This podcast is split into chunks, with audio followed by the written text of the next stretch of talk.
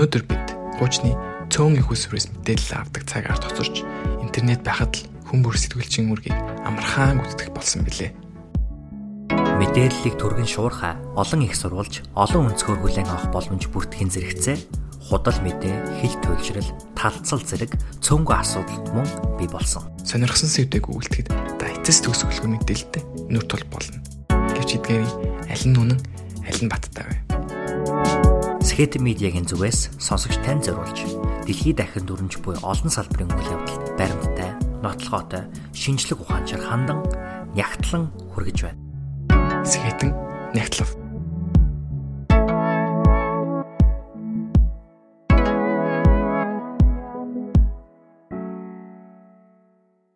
За өглөө энэ өдрийн мэнд хүргэе. Энэ өдрийн мэнд бэлгүнэ. Баярлаа. За чиний хувьд Америк нэгдсэн улсад бакалаврынхаа зэргийг аваад сураад суралцаад төгсөөд энчэнэ бүр ажиллаад тэгээд эх орондоо буцаад тэгээ энэ хугацаанд ингээ Америкийг гаднаас нь харж яхад бол үнэхээр шоконд ормоор ормоор үйл явдлууд олон тохиолдсон гэдэгт бол би итгэлтэй. Тэгээд ялангуяа сүүлчийн 10 гаруй хоногийн хугацаанд бол бүр үнэхээр шоконд оруулмаар үйл явдлууд боллоо. Тэгэхээр чиний хувьд ингээд Америкийг гаднаас нь хуучин дотор нь байсан хүний хувьд харж байхад ямар сэтгэл төрж ийн сүүлийн үед би яг үнэ хэлэхэд бол амар тийм шоконд орсон байдалтай бол байгаа байхгүй юу. Энэ үйл явцтай холбоотой мэдээгээр гадаад мэдээг эхлүүлж байна. За Америк нэгдсэн улсын цагдаа хүчнийхэн конгрессийн ордон руу дайрж орсон жагсагчдыг тарааж од. Ингээд харж байхад би юу н ямар улсад амьдраад ямар улсад сууршаад байсан бэ? Одоо анх Америк руу явж байхдаа арай ч ийм улс руу явж гэнэ гэж би бол үнэхээр төсөөлөөгүй. Зүйл байдлыг хяналтандаа авсны дараагаар одоо тус улсын конгресс нэгдсэн чуулгана хуралдууллаа. За конгрессийн нэгдсэн хуралдаанаар 11 дугаар сарын 3-нд болсон. Тэгээд энэ яалчгүй одоо өнгөрсөн 7 хоногт болсон. Одоо конгрессийн байшин лу Трампын эргэлж Трампын одоо дэмжигчд дайрсан үйл явдал алчгүй байл л та тий. Миний хувьд яг 13 онд Америк нэгдсэн улсад ирсэн. Одоо ингээд 7 дахь жилдээ амьдарч байна. Тэгэхээр ер нь бол 3 дахь ерөнхийлөгчийнхаа нүрийг 5 хоногийн дараа үүсгэж явах шиг байна. Миннесота муж бол нилээн цэнхэр муж л да. А ялангуяа миний амьдарч байгаа Миннеаполис хот бол цэнхэр буюу Трампын эсрэг нам тийм ээ арчилсан намын гişүүж дэмжигчд илүү олуулан амьдардаг. Тэгээд илүү том хотуудад угаасаа арчилсан намын гişүүж дэмжигчэд буюу либерал үзэлтэй зүүнний баримталтай хүмүүс илүү олон байдаг. А ориглын хувьд бол илүү улаан мужид тийм ээ ерөнхийдөө бол уламжлалт үзэлтэй мужид суралцаж төгссөн а гэхдээ бас цэнхэр мужидаас амьдарч үзсэн байгаа. Тэгэхээр чиний хувьд ер нь тэр ялгааг хэрэг мэдэрдэг байсан бэ? Яг энэ хоёр өөр төрлийн үзэл бодолтой мужуудад амьдарч байхад. Ер нь бол маш их мэдэрнэ. Намайг Аризона мужид сураад төгсөж байхад бол айгүй их мэдрэгдэг байсан. Яг ингээд зургатаар гарч байгаа одоо рекламууд ч юм уу дандаа ерөөхдөө бол улаан намын гişүүдийг тэмцсэн тийм рекламууд явдаг байсан. Амьдарч байгаа хүмүүс нь ч гэсэн энэ ихэнхдээ л цагаан арьстай хүмүүс байдаг гэх юм уу те. Тэгэд ингээд ингээд явж байхад бол тухайн үед бол би өөрөө нэг тийм Аз хүний хувьд жоохон нэг тухайн газар байх ёсгүй юм шиг нэг тийм мэдрэмж бол төрж исэн. Аа тэгээд дараа нь би Калифорниа мужид ингээд амьдрахад бол шал өөр дүр зураг бол ажиглагчсан л да. Тэрний юу гэхээр ингээд Калифорниа муж бол маш олон төрлийн үндэстэн ястангууд амьдардаг цэнхэр мууж тэгээд а одоо яригдж байгаа одоо шийдвэрүүд улсын шийдвэрүүд гэсэн маш их тийм одоо цэнхэр мужийн одоо цэнхэр намыг одоо ажил намыг нийцсэн тэмцэн тиймэрхүү үйл ажиллагааг бол их тэмцэн байдаг жишээлбэл одоо одоо электрон машиныг дэмждэг ч юм уу а fossil fuel буюу одоо нүүрсний хэрэглээг багасгах гэдэг ч юм уу тэр тал дээр айгүй анхаардаг байсан. Тийм учраас гэсэн юм бол айгүй өөр дотор нь амьдарч байгаа хүмүүс гэсэн айгүй өөр Мексик хүмүүс ихтэй, Аз хүмүүс ихтэй гэх мэтчлэн тий. Миний хувьд ингээд Миннеаполис хотод амьдраад яг энэ Миннесотагийн их сургууль гэдэг сургуульд би бакалавра болон одоо магистраа суралцж байгаа. Тэгээд бас сургууль институт тийм ээ эрдэм шинжилгээний байгууллагууд ч гэсэндээ хэдий наагура ямар нэгэн одоо улс төрийн үзэл баримтлал сурталыг дэмждэггүй ч гэсэндээ яг тэрхүү институтыг бий болгож байгаа хүмүүс нь угаасаа хүмүүс эдэг те. Тэгэхээр зэрэг түүний гадаагаад сурж байгаа одоо сэдв альва зүйл нь бол илүү аль нэг талын үзэл баримтлалыг бол илүү их гаргаж ирдэг. Тэгэхээр яг миний сурж байгаа сургууль бол өөрөө нилээн зүүнний үзэл баримталтай хичээл ном сургаалыг бол надад ер нь заасаар ирсэн. Тэр нь ч гэсэн миний улс төрийн үзэл бодолд бол нилээн нөлөөлсөн байх гэж бодож байна. Тэгэхээр зэрэг чиний хувьд одоо жишээ нь өөрөө бас улс төр болон байгаль орчны чиглэлээр суралцсны хувьд чиний мэрэгжил, чиний одоо мэрэгжлийн хүрээнд альва асуудлуудыг харах үзэл бодолд яаж нөлөөлсөн бол чиний сурч исэн институт нь Аа яг манай сургуулийн хувьд бол ер нь Америкээр ингээ хараад хахад ихэнхдээ одоо их сургууль байдаг жижигэн жижигэн хотуудад ялангуяа юм одоо зүүнний чиглэлийн цэнхэр наамыг дэмждэг хүмүүсийн одоо бөөгнөрл үүссэн байдаг л да ингээд аашаа яг таашаа гараад хөдөөрөө очих юм бол мэдээж улаан наамыг дэмждэг одоо Трампын наамыг дэмждэг хүмүүс маш олон байдаг. А тэгтээ тийм учраас ч юм уу би ихснэн одоо улаан одоо мужид амьдардаг байсан ч гэсэн им зүүнний өгдөл бодлоор ерөнхийдөө бол одоо сургууль хүмүүжигдсэн гэж байна хэлж болно. Тийм болохоор надад бол нэг тийм ялгаа бол байгаагүй. За тэгэхээр хоёлаа Ягтлав нэртэй анхны подкаста хийгээд яг энэ подкастаараа сонсогч нартаа юуны тухай ярих гээд байгаагаа товчхон дуртахад бол хэдий бит хоёр нэг нь арай жоохон улаан мужид суралцаж төгссөн. А гэхдээ бас яг институт нь цэнхэр байсан ч гэдэг юм уу те. Яг тиймэрхүү бит хоёрын амьдралд Америк нэгдсэн улсын улс төрийн үзэл баримтлал ямар нэгэн байдлаар нөлөөлж болох боломжтой ч гэсэндэ яг энэхүү подкастыг хийхдээ цэвэр судалгаа шинжилгээнд дээр үндэслэж үнэхээр яг юу болсон бэ гэдгийг цэвэр ямар нэгэн үзэл сурталт баригдахгүйгээр хуваалцах гэж байгаа. Тэгэхээр миний хувьд яг тэр хүү конгресст түрүү 7 хоногт юу болоод өнгөрөв гэдгийг судалсан байгаа. А оргилын маань хувьд болохоор яг энэхүү үйл явдал болох хүртэл процесст яг ямар ямар зүйлс болоод яагаад энэ үр дүнд хүрж Америк одоо ингэж дэлхийн анхаарлын төвд ороод байна гэдэг процессыг тайлбарлах гэж байгаа тийм. Тэгэхээр ориглоо чиний хувьд биднэрт нэг өөрийнхөө нягтлсан дээр үндэслээд яг яагаад энэ зүйл болж өнгөрвөө. Өнгөрсөн 7 хоногт яагаад энэ хүчтэй дайралтыг Америкийн ард иргэд өөрсдөө капитал дээр очиж хийж өөрсдийнхөө хууль тогтоогчдыг аюултай амь насыг нь эрсдэлд оруулсан энэ үйл явдал болов. Энийг биднэрт өөрийнхөө нягтлснараа тайлбарлаж өгвөл. За тэгэхээр энийг ярихын тулд бид нэр яалчгүй 11 сард болсон одоо Америкийн нэгдсэн улсын сонгуулийг бол яалчгүй яах шаардлагатай болж байна л доо. Тэгэхээр Америкийн нэгдсэн улсын сонгуул бол лий дахины анхаарал байсан маш том үйл явдал болсон тий. Тэрэн дээр юу болсон бэхээр арчсан намаас Жо Байден нөгөө намаас Дональд Трамп бол сонгуул нэр дэвсэн. Энэ нэггүй сонгуул маань ч гэсэн энэ өмнө үрд өмнөх сонгуулаа гэх юм бол айгүй онцлогтой өөр сонгуул болж гисэн. Ягаад тэгэхээр одоо дэлхийн дахин тархаад байгаа COVID-19-ийн цар тахлын улмаас маш өөр сан одоо яа санал авахаас эхлүүлээд хин сал өгж байгаас ахуулаад үр дагаврын хувьд маш тийм онцлогтой сонгуул болж өгсөн байгаа байхгүй. Тэгэхээр одоо хин гарснаас шалтгаалаад одоо ковид 19-ийн цаашид эдийн засгт гарч байгаа үр дагаврыг яаж ямар одоо бодлого хэрэгжүүлэх вэ гэдэг дээр ч гэсэн маш их тийм шийдэх тийм сонгуул болж өнгөрсөн л доо. Энэ хоёр нэр дэвшигч маань бол хоёр маш өөр төрлийн үзэл бодолтой улс төрчид бол байдаг. Тэгээ арчил намаас болохоор одоо юу гэдэг чинь арай илүү инээлттэй, арай илүү одоо нийгмийн халамж одоо ихсгсэн одоо эрүүл мэндийн чиглэлийг төсвийг одоо нэмдэх нэмэх тийм зорилготой цэргийнхаа мөнгийг багасгая одоо боловсруулалтынхаа мөнгийг нэмье гэдэг болдог бол Трампын одоо намаас болохоор адилхан бизнесийг том бизнесүүдэд дэмжиж гэсэн тийм өөр өөр үзэл бодолтой сонгуул болж гисэн болохоор их онцлогтой болсон л та. Төрний сонгуулийн үр дүн юу болсон бэ гэхээр мэдээж ажил намаас нэр твсэн Joe Biden бол ялсан. Мань хүн ялахдаа 81 санал нийтдээ бол аваад нөгөө талаас Donald Trump маань 74 сая нийт саналыг бол авсан байна. Энэ 84 81 74 гэдэг юм бол өмнөд өмнө байж байгаагүй тийм маш том одоо саналын сонгуулийн эрч бол байгаа юм л та.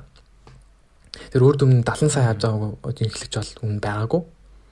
Трамп ялагдсан ч гэсэн 74 саяыг бол авч чадсан байна. Тэснэ 81 сая аваад санал авсан ч гэсэн Electoral College гэдэг тийм Америкийн зөвхөн Америкт байдаг тийм системийг тэр саналыг авч чадахгүй бол мэдээж ялч чаддаггүй тийм үү. Өнгөрсөн сонгуул 16 оны сонгуулиар харагдсанаар юу гэхээр Hillary Clinton, Donald Trump-аас нийт саналаараа илүү байсан ч гэсэн Electoral College-аар бол бага байсан учраас ялагдсан тийм. Тэгээд Biden болохоор нийт 306 Electoral College-ийг бол саналыг бол авсан байгаа. Трамп маань болохоор 232 electoral college-ийн саналыг бол авсан. Тийм учраас Дональд Трамп бол ялагдсан. Тэгээд бас нэг онцлогтой юм нь юу гэхээр энэ жил сонгуул өгтөө хүмүүс маш их absentee ballot буюу шуудангаар санал өгдөг тийм саналыг бол маш их хүмүүс саналаа өгсөн байна л да. Тэгээ нийт сонгогчдын 46% нь ерөөсөө л шуудангаар саналаа өгсөн.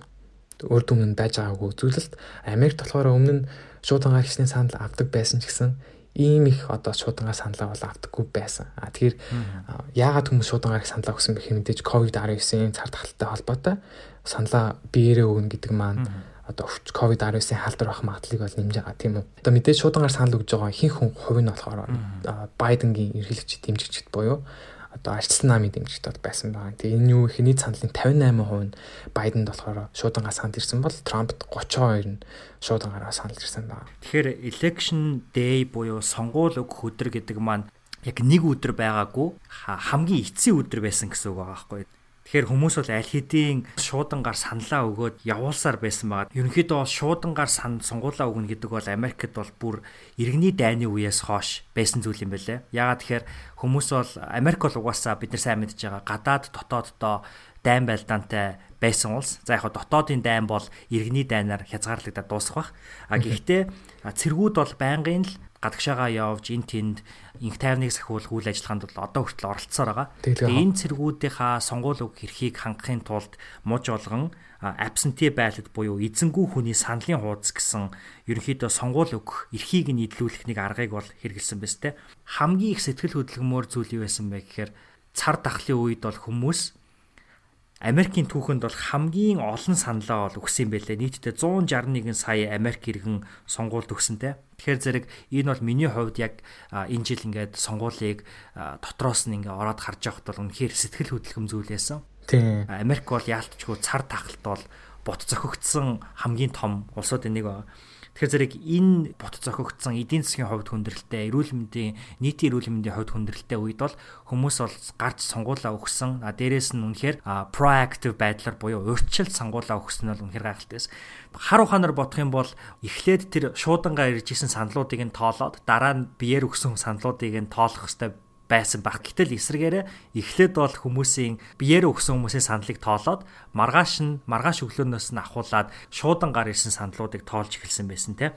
Тэгээ тэрэн дээр бас сонгуулийн үйл явдал хэрхэн үрнэсэн дээр чухал нөлөө үзүүлсэн байх гэж би бодож байна. Тэр зүг болоо. Тэр тэгэлгүй яах вэ?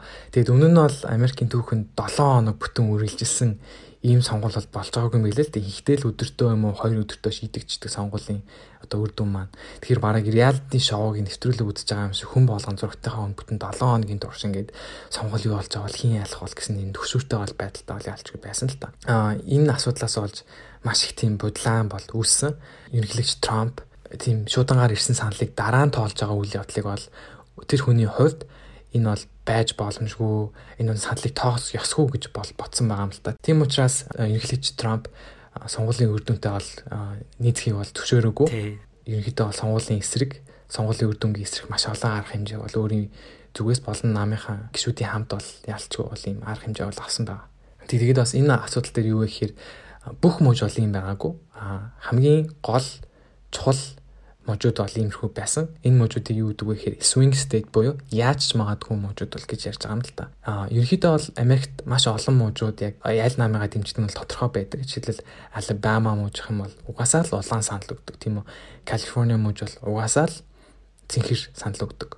А харин зарим мужууд бол яг алин ч өгч магадгүй гэх юм мужууд бол байдаг. А сүүлийн энэ жилүүд миний одоо сурч төгссөн Аризона муж бол хэмжтэй улаан санал өгдөг мууж байсан бол энэ жил ингээд флип буюу ингээд цэнхэр мууж руу саналаа өгсөн байгаа юм л та. Энэ бол маш олон шалтгаантай одоо Калифорни мужаас нүүж байгаа хүмүүс холбоотой. Залуу хүмүүс Аризона мууж нүүж байгаа учраас ийм санал гарсан. А мөн бас Жоржиа мууж, Пенсильвания мууж гэх мөртлэн муужуудад бол иймэрхүү саналын зөрүү, саналын бодлон бол ерөнхийд бол гарсан байгаа юм л та тий. Урд өмнө нь одоо Америкийн түүхэнд ер нь бичигдээгүй хууль гэж юм бол байдаг. Тэрний юу гэхээр ялагдсан одоо сонгуулийн нэрдэгч маань өөрөө concede буюу ялагдлаа хүлээн зөвшөөрөөд миний өрсөлдөгч ялсан гэдэг юм спичуд хийдэг, яриа хийдэг. Тэгмэд юу дүүгээ хэрэг нь ерөөсөн өөрийнх нь дэмждэг хүмүүс бол тэр сонгуулийн үр дүн бол хүлээн зөвшөөрөөд одоо peaceful transition of power буюу эв найрамдалтай их тайван одоо хүчийг нөгөө эргэлэгчтэй бол өгдөг тийм зарчим бол байсан. President-elect Trump last night uh, about 3:30 in the morning I think it was to congratulate him on winning the election and I had a chance to invite him to come to the White House tomorrow uh, to talk about making sure that there is a successful transition between our presidencies. Тэгэхээр энэ нь энэ жил бол болоогүй. Яагаад тэгэхээр Трамп Сонгуулийн үр дүнтэй санал нийлээгүй учраас сонгуулийн үр дүнтэй санал нийлээгүй. Тэгээд өөрийн гэсэн тийм спич буюу яриаг бол хийгээгүй. Тэр юунаас харагдсан мэхээр Трамп бараг өдрөө болгон Twitter өөрийнхөө Twitter хуудсанда энэ сонгуулиуд худлаа болсон. Энэ сонгуулийг нөгөө нам намаас надаас одоо хулгайлах гэж оролдож байна. Гэх мэтийн тиймэрхүү одоо худал мэдээллийг бол яалчгүй бол гаргасан л да. Инээсээ үүдээд юу болсон бэ гэхээр Трамп түрүүний хэлсэн Аризона, Пенсильвания, Жоржиа гэх мужуудад шүүхт хандаж энэ сонгуулийн эсрэг сонгуулийн үр дүнтэй би одоо санал нийлэхгүй байна гэдэг шүүхт бол хаацсан байна. Гэтэ бол мэдээж бидний мэдж байгаагаар бол тухайн шүүхэд юу гэж үтсэн бэ гэхээр арчлаар цэвэр одоо шудраг болсон сонгуулаа. Энэ бол бид нэр хүлэн зөвшөөрөхгүй гэж санал өгсөн байгаа тийм. Трампын энэ үйлдэлийг болохоор Republican буюу одоо уламжлалт намынхан бүгд найрамдах намынхан бол бүгд бол дэмжээгүй. Жишээлх юм бол Republican намын Mitt Romney гэж одоо 2012 онд бол ерхийлэгч Обаматай бол өрсөлдөжсэн тийм нэр хүндтэй сенатор болохоор хүлэн зөвшөөрөөгүй Трампыг бол буруу шаасан. А түүнтэй нийлээд бас нэлээд хэдэн Republican гишүүнүүд бол бас энэ хэсэг бол зогсчихсан байна. Үүнээс үүдээ тэгээ бэлгүүнээ ер нь одоо энэ болсон үйл явдал маань саяны үйл явдлыг хүрэхэд одоо ямар үйл хөдлөлтөд оролцсон болов? 2021 он гараад ердөөсөө 6 хоног өнгөрч исэн тийм ээ. А 1 сарын 6-ны 5 гариг бол Капитол руу дайралт хийгдсэн байгаа. За энэ дайралтыг хийсэн хүмүүсийг бол одоо Америкийн тал гаруй хувь нь тийм ээ. Нэгэн дуугаар хит даврагчдын буюу ерөнхийдөө бол террорист халдлага гэж хүртэл одоо үзэж байгаа. Ориглын маань хэлснээр Republican нам буюу бүгд найрамдах нам дотроо хүртэл адилхан үзэл бодолтой хүмүүс бол байсаар ирсэн тийм ээ. Трамп бол одоо ингэж сонгуулийн үр дүнг буруу шах ирэхгүй гэж үзэжсэн бүгд найрамдах намын гишүүд байсаар ирсэн. А гэтэл энэ үйл явдлын дараа бол Republican нам бол дотроо хуваагдал нь бас илүү хүчтэй болж эхэлж байгааг бол бид нараас харж байна. За тэгэхээр юу болсон бэ гэхээр 1 сарын 6-ны өдөр яагаад яг тэр өдөр энэ үйл явдал болваа гэхээр Америкийн Конгресс Electoral Votes буюу сонгогчийн саналуудыг баталгаажуулах өдөр бол байсан. А тэр өглөө би ингээд сэрэл мэдээ үзэхэд бол аль хэдийн Дональд Трампыг дэмжигчид бол Америкийн нэгдсэн улсын нийслэл Вашингтон DC хотод Save America нэртэй Америкийг аврий одоо гэдэг чагсаал цуглаанд бол одоо цугларч эхэлсэн байсан. Тухайн одоо хотын цагаар өглөөний 10 цаг гэхэд. За мэдээж хэрэг өглөө бол одоо байр байдал бол одоо хэвийн байдалтай байсан. А гисэн ч хэдий одоо мэдээний сурвалжлагч нар орой гэхэд буюу нар жаргаад харанхуй бүрий болж эхлэх үед байдал хурцдах аюултай гэж хэлж байсан. Энэ аюулыг энэ мэдээний сурвалжлагч нар яаж таамаглаж байсан бэ гэхээр тун энгийн А угаасаа Дональд Трамп өнгөрсөн 2 сарын хугацаанд тасралтгүй өөрийгөө сонгуульд лувирдуулсан гэж зарлж Big Media буюу томоохон медиа компаниуд болох телевиз, мэгээд мэдээллийн агентлагууд нийлж Трампыг болон түүнд саналаа өгсөн сая сая хүмүүсийг луйвардлаа гэж нөгөө талаа одоо гүтгсээр байсан гэж хэлж болно. За энэ хүү гүтгэлэг дээр нэмээд бол Трамп тасралтгүй өөрсдийнхөө дэмжигчдээс мөнгө хандив бол гуйж цуглуулсаар байсан. А тэгэхээр бол хүмүүс бол одоо зөвхөн өөрсдийнхөө сонгуульд өгсөн саналаар Трампын төлөө одоо зогсоод зогсохгүй а дээрэс нь өөрсдийнхөө сэтгэл зүй, өөрсдийнхөө мөнгө тийм ээ. Одоо бодоод үзэх юм бол угаасаа Америкийн одоогийн нийт бүтээгдэхүүн бол энэ 2020 онд бол маш их уналтанд, савлтанд орсон тийм.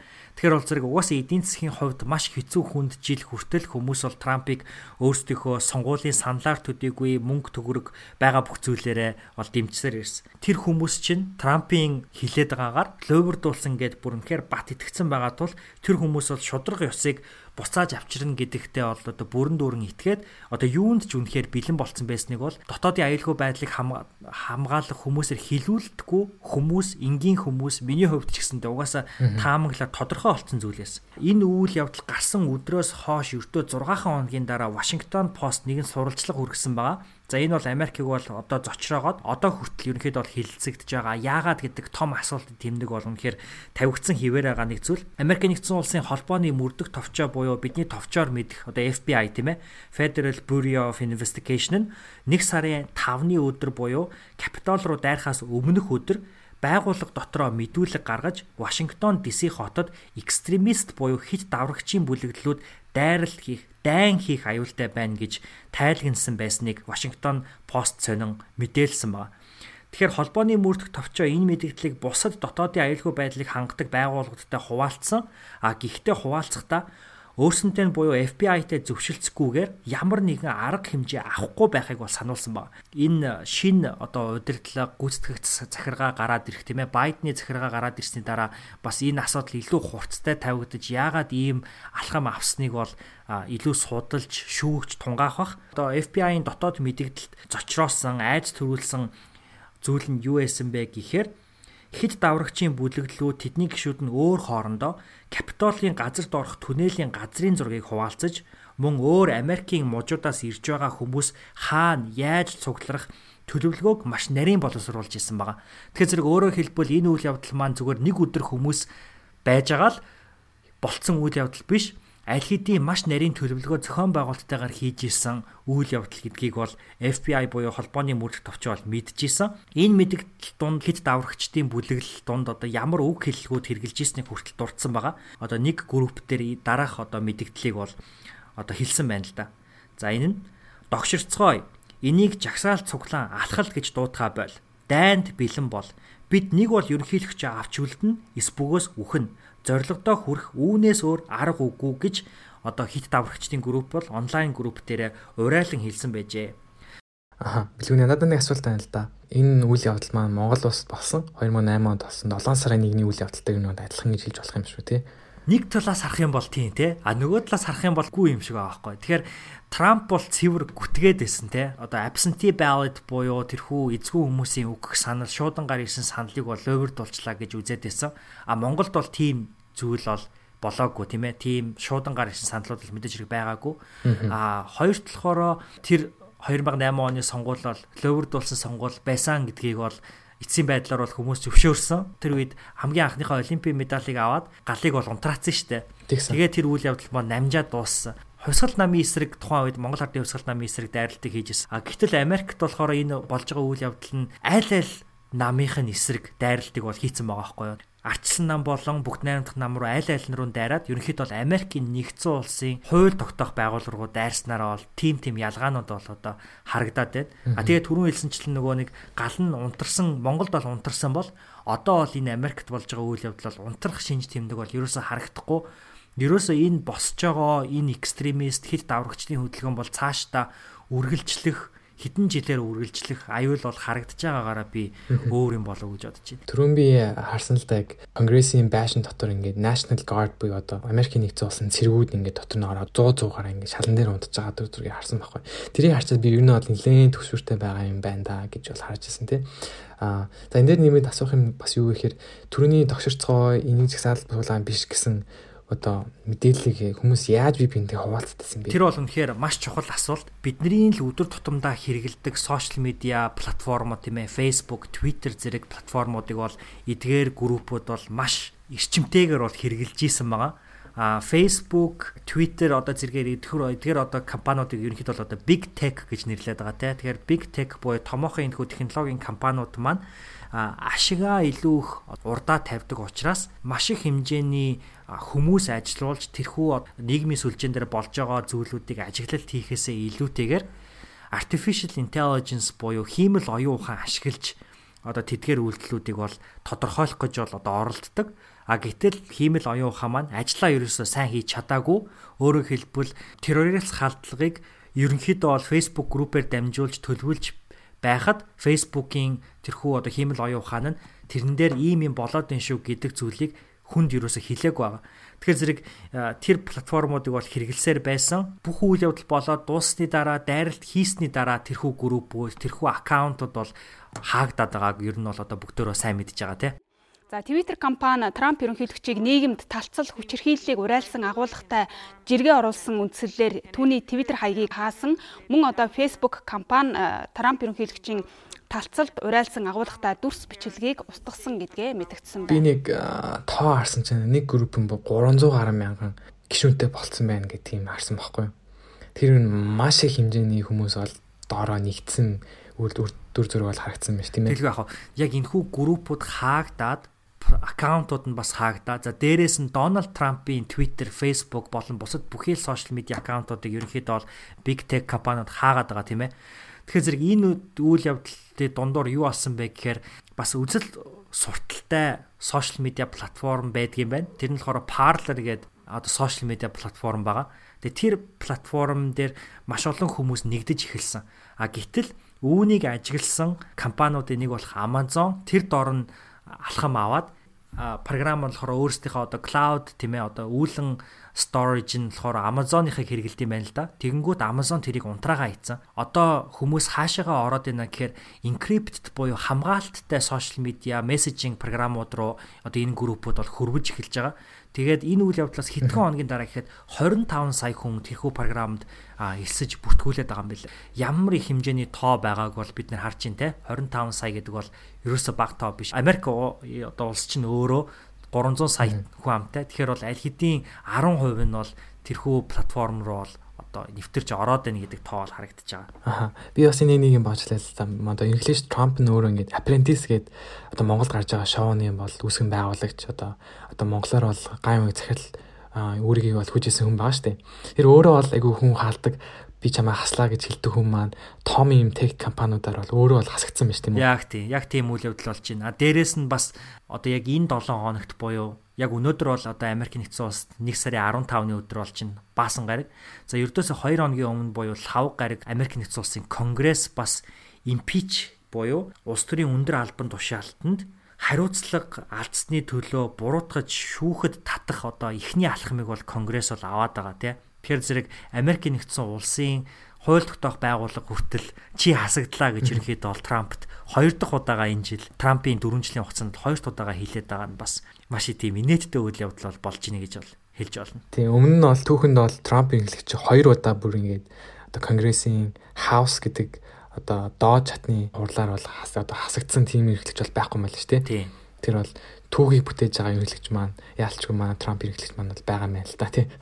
Тэгэхээр яагаад бүр ингээд impeached болох буюу шүүхтэр гим хүлээх хэмжээнд Трамп тулаад байна гэхээр мэдээч хэрэг бол Трамп угаасаа 4 жил ерөнхийлөгч байхдаа бол сайн ерөнхийлөгч байсан уу гэдэг дээр Америкийн тал гаруй хувь нь угаасаа үгүй гэж хэлнэ те. А гэтэл эн чинь өөрөө улс төр. Тэгэхээр улс төр дээр юу болчихваа гэхээр Трампын нэг буруу алхсан алхалт нь юу вэ гэхээр өөрийнхөө дид ерөнхийлөгч рүүгээ халтсан байдал байгаа. А 1 сарын 5-ны өдөр буюу конгресс хуралдаж сонгогчдын саналыг баталгаажуулах өдрийн өмнө Америк нэгдсэн улсын дид ерөнхийлөгч Майк Пенсиг сонгуулийн үр дүн хүчингүйл тооцож дахин саналт хураалт явуулахыг бол ерөнхийлөгч Трамп шаардсан. Гэвч хуулийн дагуу дид ерөнхийлөгч тийм эрх угаас байхгүй тул 4 жилийн э, турш Трампыг үргэлж дэмжиж ирсэн Майк Пенс анх удаага түүний эсрэг бол зогссон. Тэгээ энэ шахалтыг хийж Пенс эсэргүүцсний дараа Трамп Twitter хуудасаараа жиргэж Пенс тим ирэх байгаа гэж одоо худал мэдээллийг бол үргэлжлүүлэн түгээсээр байсан. За тэгээ улмаар 1 сарын 6-ны өдөр Трамп хуран цугласан байсан олон мянган жагсагчдын өмнө гарч ирээд а түүнд зориулж зассан тайзан дээр 70 минутын турш илтгэл тавьж.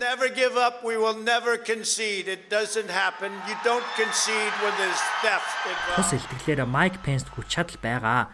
Энэ сонгуулийг эргүүлэх боломж Пенст байна гэж ухуулсаар байсан. I hope Mike is going to do the right thing. I hope so.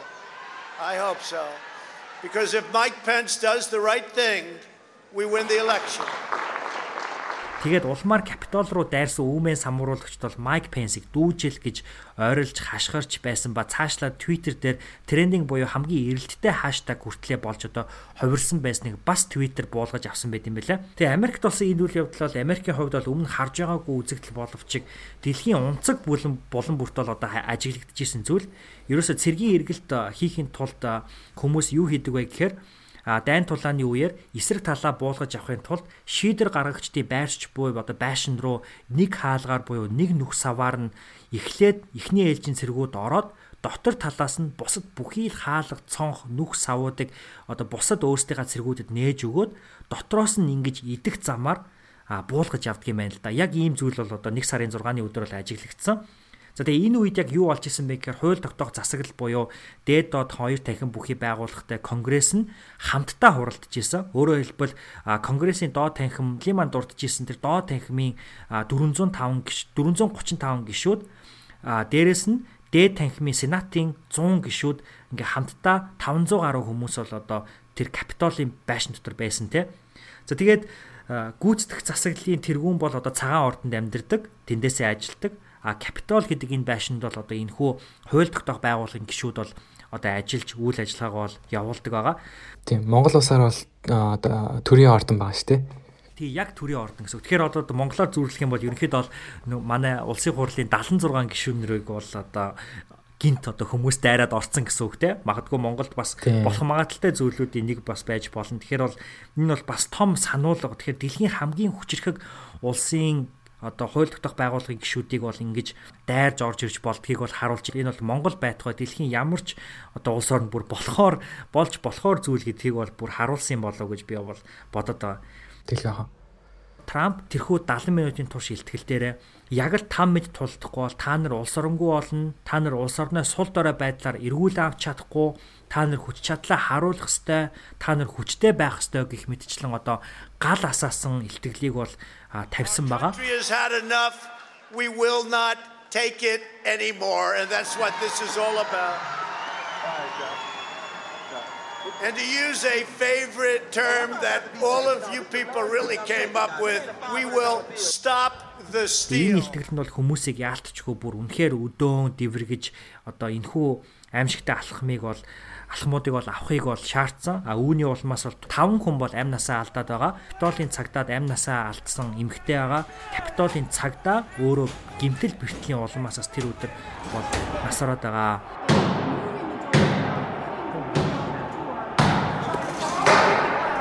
Үүнээс болоод одоо энэ хүү импичмент буюу хариуцлага хүлээхийн процесс бол эхэлсэн. А тэгээ хамгийн анх удаага хоёр дахь удаага импичд болохоос гадна эхний удаад бол импич хийхдээ мэдээч хэрэг Трампын одоо намынхан тийм ээ бүх 8 дахь намынхан бол дэмжиж саналаа өгөөг бол энэ удаа анх удаа хоёр намын талаас буюу Трампын намын 10 гишүүн бол конгрессийн доод тахимд бол Трампыг хариуцлага хүлээх ёстой гэж үзээд саналыг бол өгөөд байгаа. Тэгэхээр энэ 10 гишүүн бол ялангуяа өөрсдийнхөө амь насыг бол эрсдэлд оруулан байж одоо Трампын эсрэг хүү саналыг өгөөд байгаа бас дуртах нь зүйтэй болов гэж би бодож байна. Яагаад энэ монголчууд бидний хувьд чухал зүйл юм бол энэ дээр оргилын хувьд ямар үзэл бодолтой байгаа вэ? Америк улсыг бид нэр арчлын одоо одоо загалмаалсан эцэгтэй арчлын одоо рол модел гэж авч үздэг тийм үү. Тийм учраас Америк гэдэг улсад ийм үйл явдал одоо арчлыг доош нь хийсэн арчлын эсрэг ийм үйл явдал болж байгаа бол одоо Монголд ч гэсэн ийм үйл явдал болж болцсгүй юм а гэдэг тийм аюулын харангыг бол ялчгүй бол дэгдүүлж байна л да. Нэг хүн одоо нэг ерөнхийлөгч нэг хүн ямар их үр дагаврыг бас авчирч болдог вэ? Дарангуйлагч хүн ер нь ямар одоо үр дагаврыг сөрөг үр дагаврыг авчирч болох вэ гэдгийг бид нэр харуулж байна да. Яагаад тэгэхээр 2021 он бодлоо ерөнхийлөгчийн сонгуульд Монгол улсад маань болох чинь тийм үү? Тэгэхээр бид нар ч гэсэн сонгуулаа одоо дараа хинд өгөх ёстой вэ? Ер нь яаж бид нар арчлаа хамгаалж өгөх ёстой юм болоо энэ жижиг орныг арчлал нь ямар үнэтэй тийм үр өртөгтэй ирсэн юм бэ бид нарт тэрийг бид нар яаж хамгаалах ёстой вэ гэдгийг бол яалч бол харуулсан үйл явдал болж байна л да. Би бас Nancy Pelosi буюу одоо доод тахимын одоо тэр хүн Nancy Pelosi гэдэг эмэгтэй маань Congresswoman тийм үү? Аа тэр хүн маань одоо энэ impeachment одоо энэ Трампыг баштай гэж хэлэх үйл явдлыг бол эхлүүлсэн одоо толгойлж байгаа тийм бол эмэгтэй байгаа.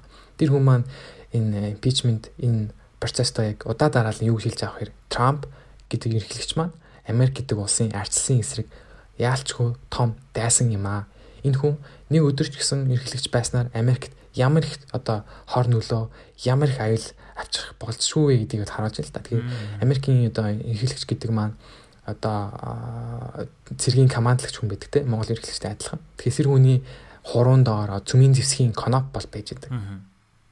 Тэр энэ хүн одоо юу хийж хийх нь үнэхээр мэдчихгүй. Тэгэхээр үнэхээр цөмийн дайн ч юм уу эхлүүлж магадгүй одоо шил өөр ямар нэгэн юу мэдүүлж одоо хийж магадгүй учраас бас иймэрхүү одоо impeachment process 7 хоног үлдсэн ч гэсэн хамаагүй яарвчлаа гэдэг тийм бол байр суурь байгаа юм л л дээ.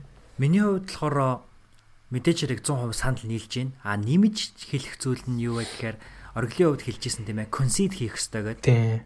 Concede хийнэ гэдэг бол хуулиндаа байдаггүй зүйл те. Ерөөсө бичигдээгүй хууль байгаа. Улс төрийг бол мэдээж хэрэг хууль эрх зүй альва зүйлээр зохицуулж болох ч гэсэндэ нөгөө талаар улс төрийн соёл, ёс журам, ёс төртэй байдлаар бас зохицуулж яадаг. Бүх зүйлийг хуульчлах ерөөсө боломжгүй. Тэгэхээр зэрэг ёс төрөггүй, итгэл үнэмшилтэй бат зогсдоггүй, улс орныхаа итгэл үнэмшилд бат зогсдоггүй тийм хүнээр удирдуулах бол ямар гайхамшигыг бас авчирдаг юм бэ гэдгийг бол харж байна.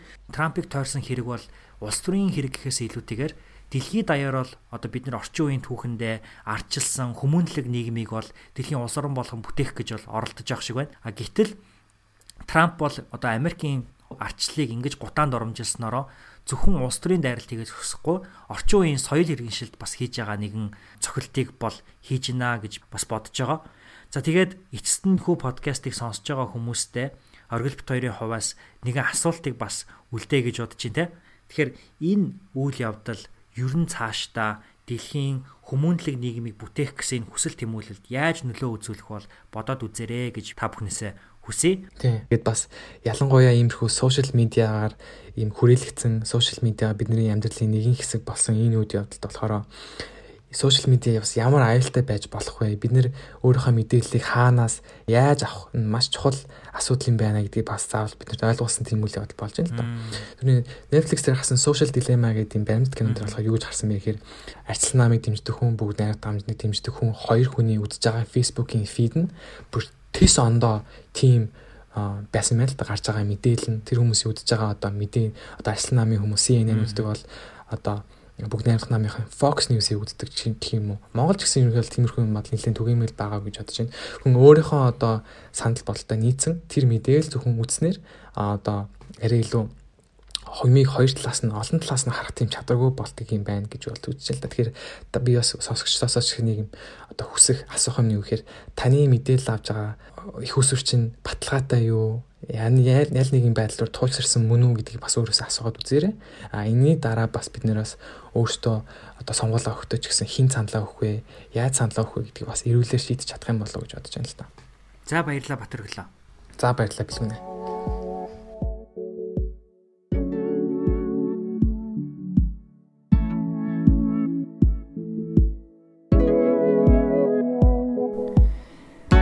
Та Сэхэт медиагийн Ягтлав подкастыг хүлээн авч сонслоо. Энэ дугаарын мэдээг хөтлөгч Бэлгүн оргилнаар нягтлж саунд инженер дээр буяа ажиллав. Бид эх дугаараараа Америк нэгдсэн улсын шинэхэн ерөнхийлөгч Жо Байден болон дэд ерөнхийлөгч Камала Харрис нарын тухай нягтлж хүрэх болно. Та шинэ дугаараа хүлээн авч сонсохыг хүсч байвал подкаст тоглоулагчаараа Нягтлав подкастыг олж дагаарай.